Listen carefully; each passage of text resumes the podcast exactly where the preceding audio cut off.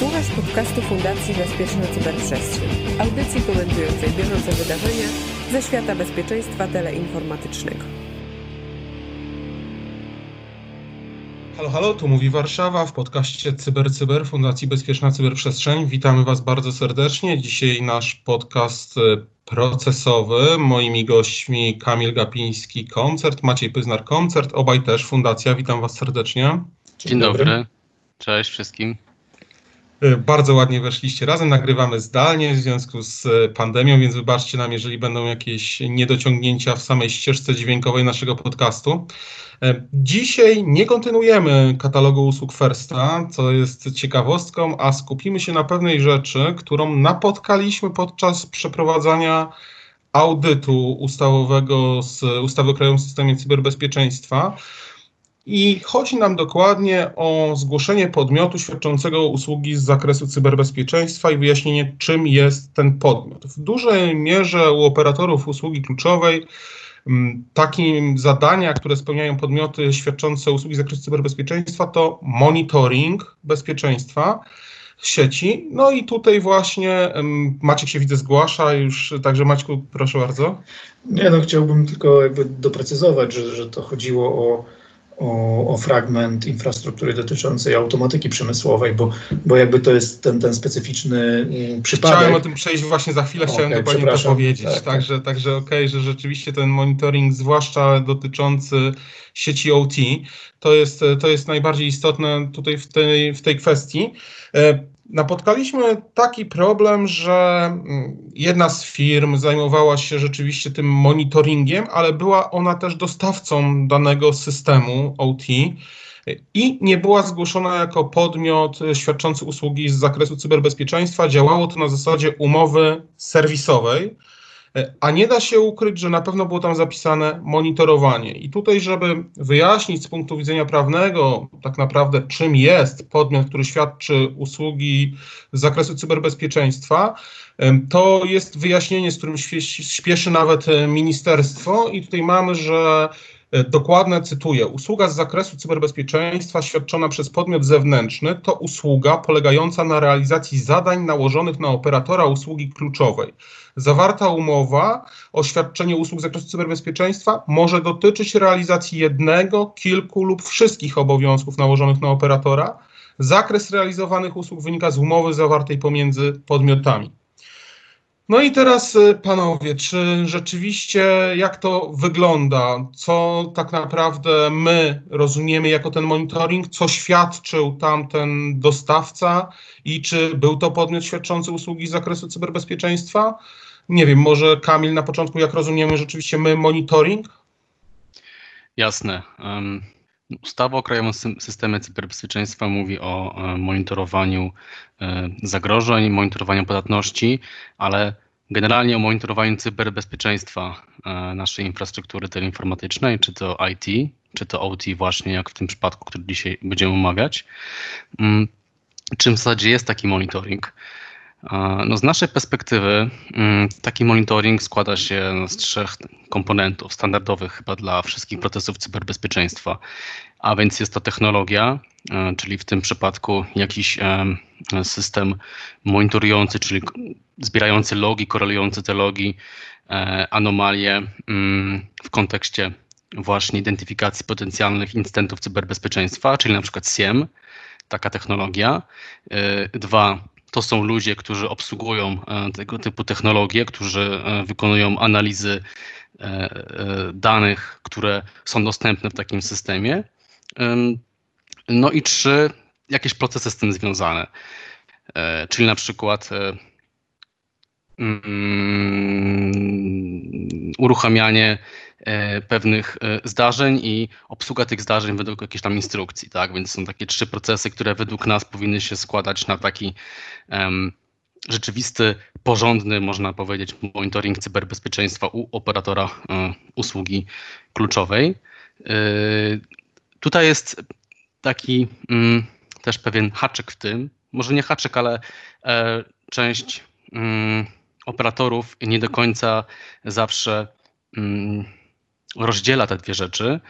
Ustawa też mówi o monitorowaniu zagrożeń podatności, ale Z kolei to monitorowanie należy chyba rozumieć i my tak to mm, robimy jako monitorowanie typu threat intelligence, czyli monitorowanie różnych zagrożeń w sieci, nie tylko bezpośrednio skierowanych na naszą infrastrukturę, na naszą organizację, ale na przykład na nasz sektor czy branżę, w którą działamy. No i monitorowanie podatności, tak, to jest chyba jasne.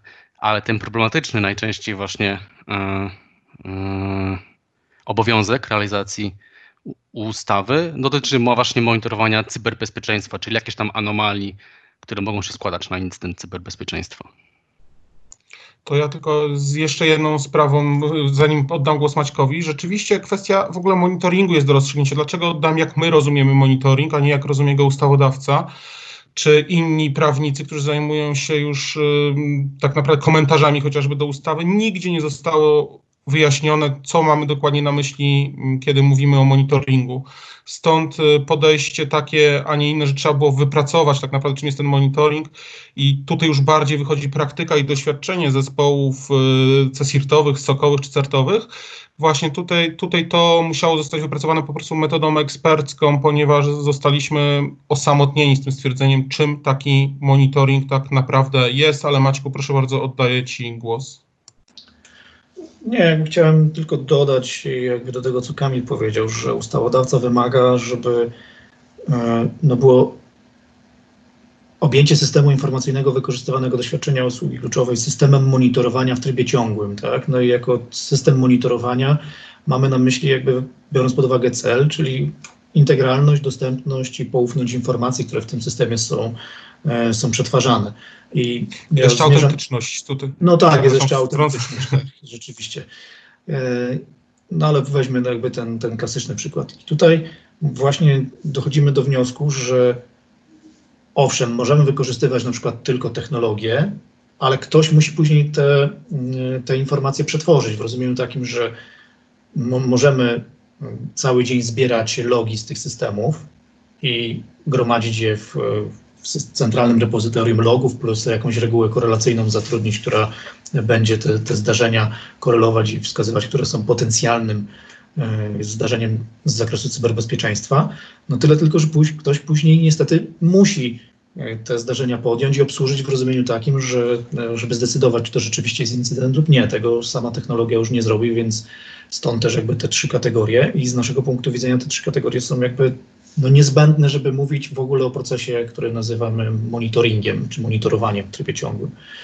I, I to są te decydujące sprawy. I mówimy o tym dlatego, że w tym naszym konkretnym case'ie, tak jak wspominałeś, oczywiście jest dostawca systemu OT, który jednocześnie zapewnia pewien rodzaj monitoringu, tyle tylko, że skoncentrowany niejako na dostępności, czyli jednym z tych e, parametrów e, cyberbezpieczeństwa i bezpieczeństwa informacji no i teraz się pojawia pytanie, czy jeżeli ten dostawca tego sprzętu w umowie serwisowej ma dla nas świadczyć usługę również monitorowania na przykład dostępności, bo można, może powinniśmy się ograniczyć tylko do, do tej dostępności, to, to czy on świadczy nam właśnie usługę z zakresu cyberbezpieczeństwa, no bo to monitoruje w trybie ciągłym, no i monitoruje jeden z aspektów bezpieczeństwa informacji.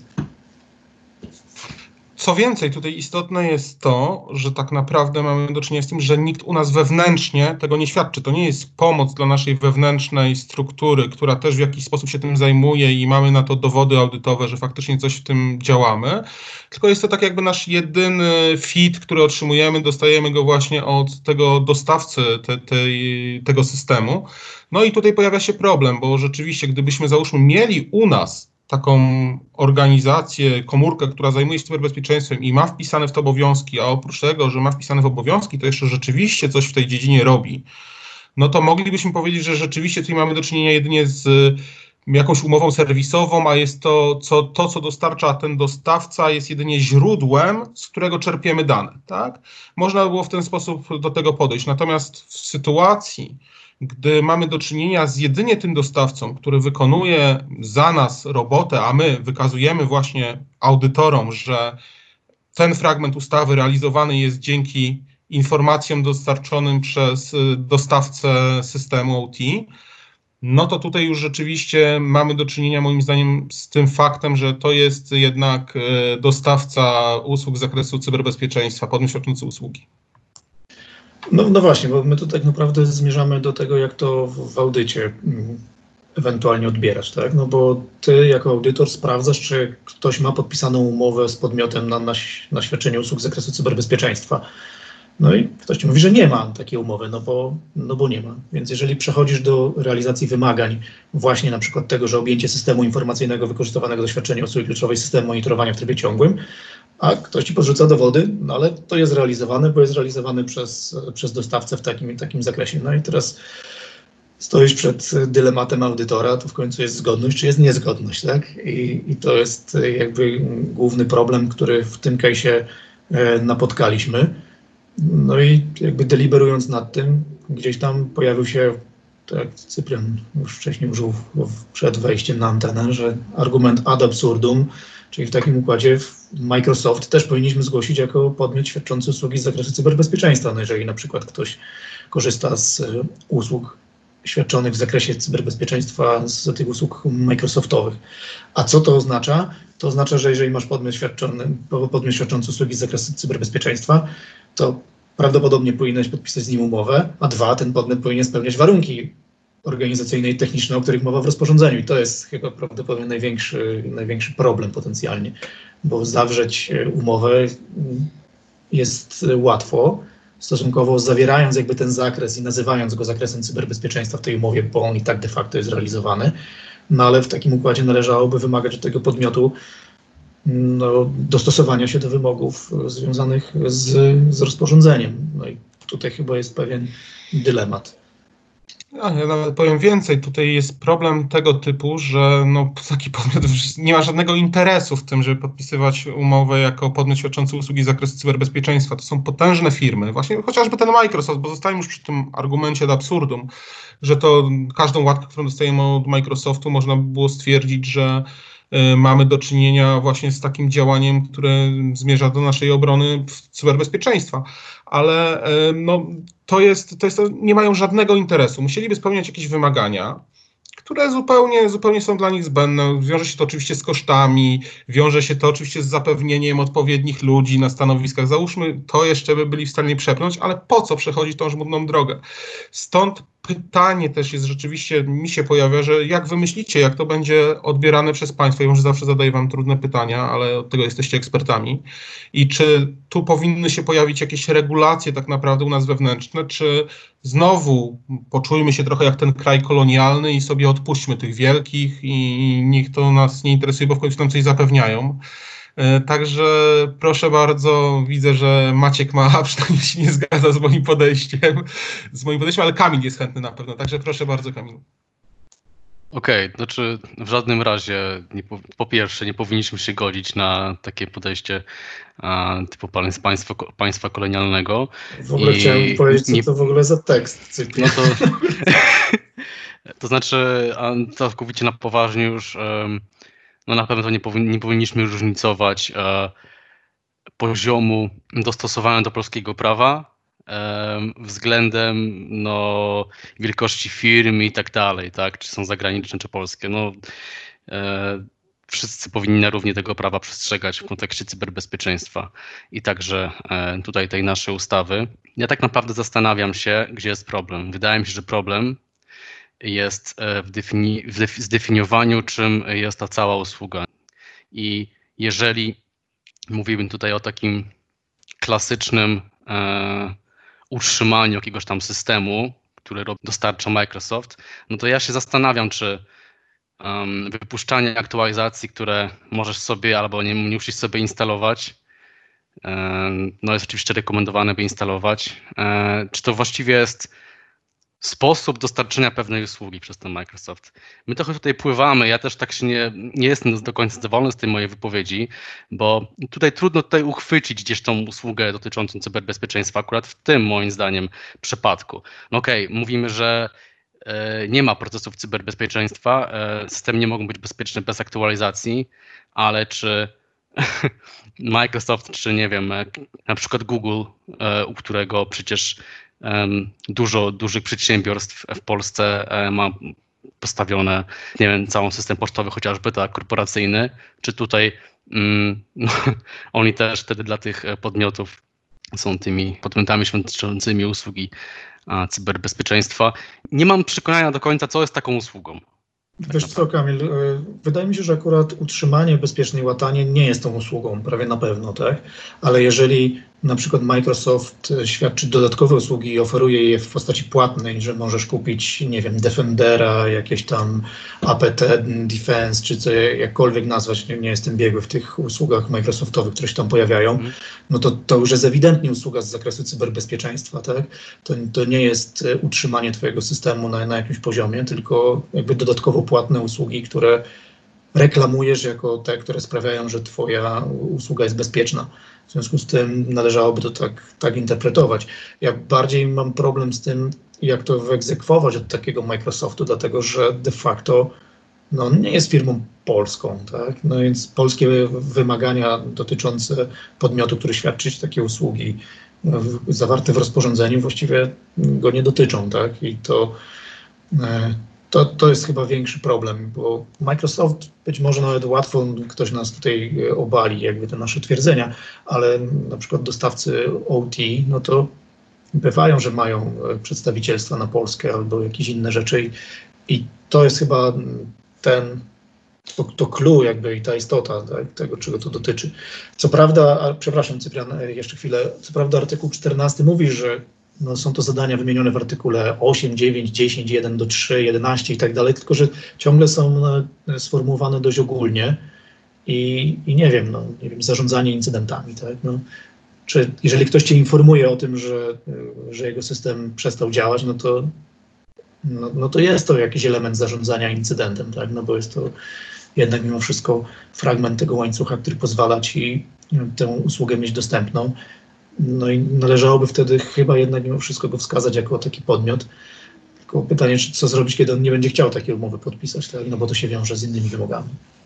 A ja tutaj Maczku powiem tak, że mówisz, że paczowanie nie jest, to dlaczego paczowanie jest w katalogu Firsta? Jeżeli nie jest, ja, ja się z tą zgadzam ogólnie co do, tego, co do tego przesłania, jakie chciałeś przekazać, ale powiedzenie, że paczowanie nie jest usługą z zakresu cyberbezpieczeństwa, moim zdaniem jest tutaj błędne ze względu na to, że chociażby w katalogu właśnie usług firstowych mamy do czynienia z paczowaniem. Okej, okay, a druga sprawa... Mamy do czynienia tam z paczowaniem, tyle tylko, że mamy tam do czynienia z paczowaniem w kontekście wyszukiwania i wynajdowania nowych podatności, tak? Jako, jako zadania zespołu CERT, tak? A nie utrzymania Twojego systemu jako mhm. niepodatnego na, na bezpieczeństwa, bo to, to nie jest zadaniem nigdy zespołu CERT, a to jest zadaniem na pewno producenta takiego oprogramowania.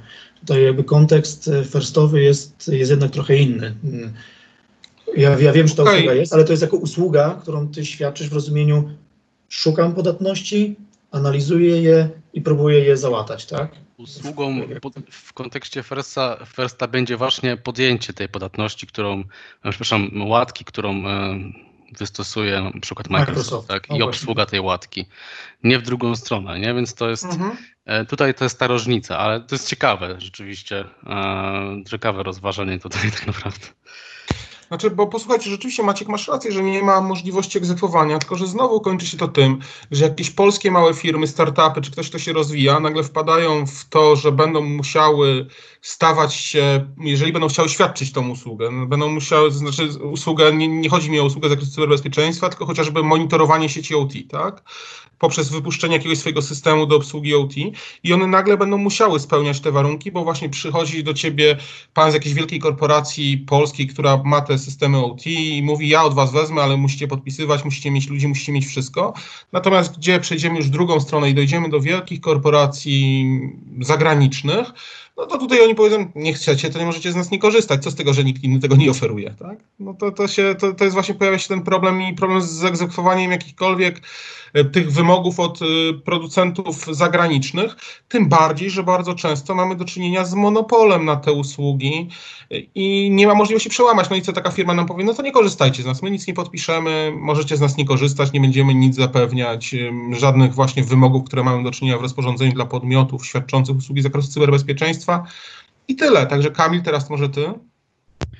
Monopol to jest jedna rzecz, ale istotne jest też to, że taki operator usługi kluczowej może nie mieć po prostu wyjścia nie korzystać z takiej usługi, jeżeli chcemy cyberbezpieczeństwa, ponieważ jeżeli ma um, system automatyki przemysłowej, chce go objąć właśnie monitoringiem, to właśnie ta firma, przykładowy gigant technologiczny, bo to może być naprawdę duża firma, może nie zgodzić się na inne systemy, prawda? I e, które jakby będą zbierały logi chociażby z tych systemów tej firmy i no, nie dopuścić do takiej sytuacji. I tutaj tak naprawdę operator kluczowy jest trochę w kropce, bo nie ma jak wyegzekwować um, spełnienia tych wymogów, zakładajmy, ale nie ma też alternatywy.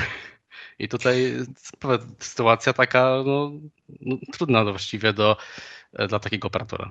No właśnie tutaj najważniejsze chyba, co poruszyliśmy, bo tu nie chodzi nam o jakieś zwykłe sprawdzanie, czy system działa, czy system nie działa, bo to niech sobie ten dostawca widzi, to i my widzimy, kiedy nam będzie działał, czy nie będzie działał, tylko chodzi bardziej też o właśnie wyszukiwanie i szperanie w logach, prawda, czy są jakieś anomalia, jeżeli chodzi o logi. No a tutaj to właśnie w naszym case'ie to było między innymi przez tego dostawcę realizowane. Także Maćku, ty chciałeś zabrać głos, proszę. Nie, no ja chciałem zadać e, jakby szekspirowskie pytanie. To jest niezgodność, czy nie ma niezgodności, tak?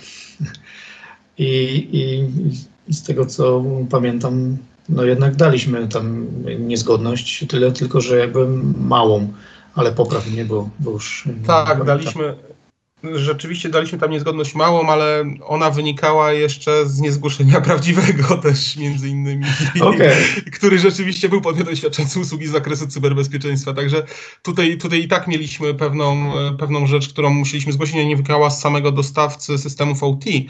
Natomiast no, rzeczywiście, czy mamy do czynienia z niezgodnością, czy nie, ja tutaj podchodzę już w jakiś tam sposób jako prawnik, bo rzeczywiście prawnicy nie zajmują się tym w komentarzach, jeżeli czytamy prawnicy, bo prawnicy nie wiedzą, czym jest monitoring. Tak?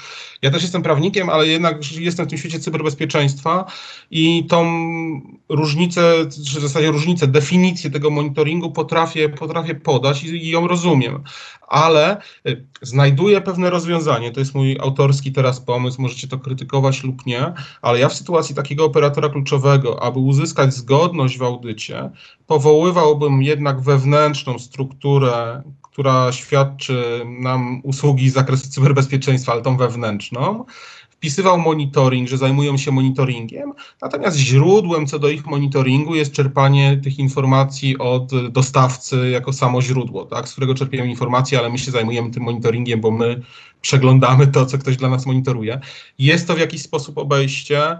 Myślę, że tutaj wtedy należy dać zgodność, bo to jest tylko źródło. Tak? Ze źródeł przy tak samo różnych rzeczach, jeżeli szukamy podatności CTI, cokolwiek innego, no to też korzystamy z wielu źródeł. Tak? To, to, to, to działa też w ten sposób i nigdy by nie przyszło nam do głowy, żebyśmy te źródła z kolei podawali jako dostawcę usług z zakresu cyberbezpieczeństwa. Więc y, no, oddaję głos Kamilowi. De facto są. No to znaczy dochodzimy tutaj do takiego wniosku, że no, wynajdujemy pewien sposób obejścia tak, e, tego trudnego e, tematu, a tak naprawdę clue tego, co powinien operator robić, no jest jakby na drugim planie w tym momencie się trochę znajduje, bo na koniec dnia, mówiąc po polsku, e, no chodzi gdzieś tam o te cyberbezpieczeństwo właśnie tych często bardzo krytycznych procesów. To mi tutaj przypomina mm, taki klasyczny właściwie już schemat e, działania naszego państwa, że no wymyślamy trudne, trudne prawo, trudne ustawodawstwo, e, robimy wszystko, by się do niego stosować, zapominając gdzieś tam o tym pierwotnym powodzie, dlaczego takie prawo ustanawiamy, tak? takie, odnoszę takie wrażenie. Bo wam chodzi o prawo... No to jakby nie, nie, może nie schodźmy na, na, na, te tematy, tak? ale rzeczywiście Kamil dotknął jakby istoty sprawy, bo jakby problem polega na tym, że audyt jest jakby realizacją i sprawdzaniem na zgodność z czymś, więc ty właściwie troszkę jesteś niewolnikiem jakby y, no, tych wymogów, wobec których oceniasz zgodność. Z drugiej strony audyt też mm, jakby jest takim procesem, który ma ocenić, czy, czy, czy dane funkcje są realizowane nie, nie tyle nawet totalnie zgodnie z tymi, tylko czy jakby spełniają swój cel. No i w tym przypadku to spełnia swój cel, no bo jest monitorowane, no jest monitorowane cechy są bezpieczeństwa, więc y, jednak mimo wszystko dlatego no, siłą rzeczy zdecydowaliśmy się na, na niezgodność, tak, tak Cyprian powiedział, jakby w innym trochę kontekście, bo tak to pewnie byśmy dali tylko i wyłącznie rekomendacje do, do tego, żeby, żeby to zrobić, bo, bo ten proces jakby był wykonywany, być może nie w sposób sformalizowany i nie miał wpływu w rozumieniu takim, że, że nie miał wpływu bezpośredniego na cyberbezpieczeństwo w takim sensie, że zagrażał temu, dlatego że był realizowany jednak. I to by była moja taka jakby sugestia na koniec. A poza tym y, zdaje się, że zwróciliśmy uwagę Ministerstwu Cyfryzacji na, na, na pewną y, problem, problem jakby właśnie z tym, dlatego że to w, w zakresie Ministerstwa Cyfryzacji jest nadzór nad podmiotami świadczącymi usługi i to jest jakby w ich zakresie obowiązków i, no i oni muszą być świadomi tego, że w rzeczywistości tych podmiotów może być wielokrotnie więcej niż te, z którymi są e, jakby podpisywane umowy na, to, na te usługi. Nie wiem, czy to w ogóle cokolwiek wnosi do tej dyskusji, tak jak się słyszę. Znaczy, ja tylko Kamilu powiem jedno zdanie, bo rzeczywiście no, nam chodzi trochę o ideę, tak? Chodzi nam o to, żeby zbudować bezpieczny system cyberbezpieczeństwa. No i myślę, że o to samo chodziło ustawodawcy, a nie o to, żeby odbębnić audyt. Natomiast ja podałem rozwiązanie, żeby odbębnić audyt, które nie do końca tak powinno wyglądać, no ale tak też żyją prawnicy, więc tak, tak wygląda sytuacja. Ale myślę, że tym naszym celem jest rzeczywiście ogólne bezpieczeństwo i wykonywanie tych zadań, które powinny być wykonane w sposób właściwy. Proszę bardzo, Kamil.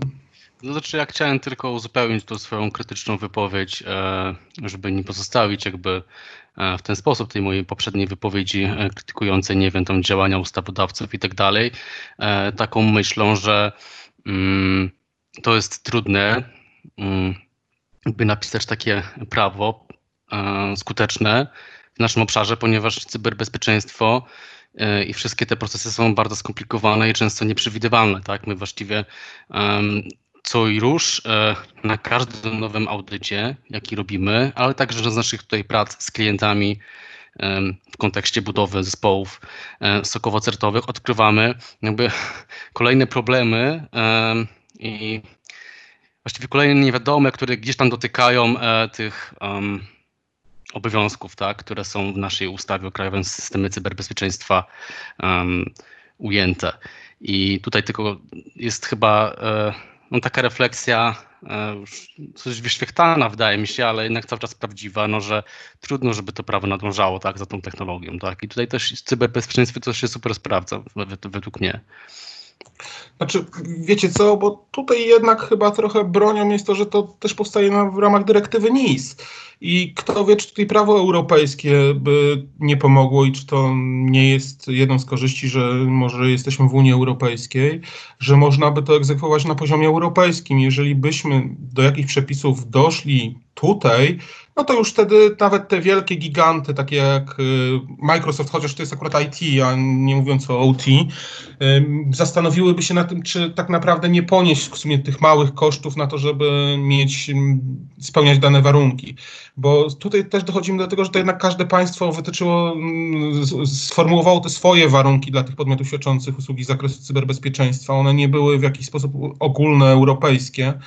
I to jest też problem, bo jeżeli mamy głupie przepisy, które regulują, że mamy siedzieć w ścianach, y, które przypominają bunkry z nadwizny, no to nie o to chodzi, tak? Nie to jest klucz cyberbezpieczeństwa, bo my nie mamy chronić operatora soku, tylko musimy chronić tak naprawdę nasz system teleinformatyczny. Te grubość ścian nie ma żadnego znaczenia do tego, jaka będzie grubość ściany, a jednak coś zostało ustalone. Także, także być może tutaj tą furtką jest to, że coś na samej arenie już europejskiej powinno być zdecydowane w tej sprawie. Mm, no, zobaczymy, bo ja innego takiego rozwiązania nie widzę, bo myślę, że nikt się nie będzie liczył z prawem pojedynczego państwa Unii Europejskiej. A ja bym dał też małą niezgodność. O właśnie, no i to w tym, tym optymistycznym akcentem. No bo, no tak, nie da się inaczej chyba. No słuchajcie, no to w takim razie co? No nie wiem, wyjaśniliśmy Wam tak naprawdę to, co spotkaliśmy, jakie problemy spotkaliśmy podczas audytu.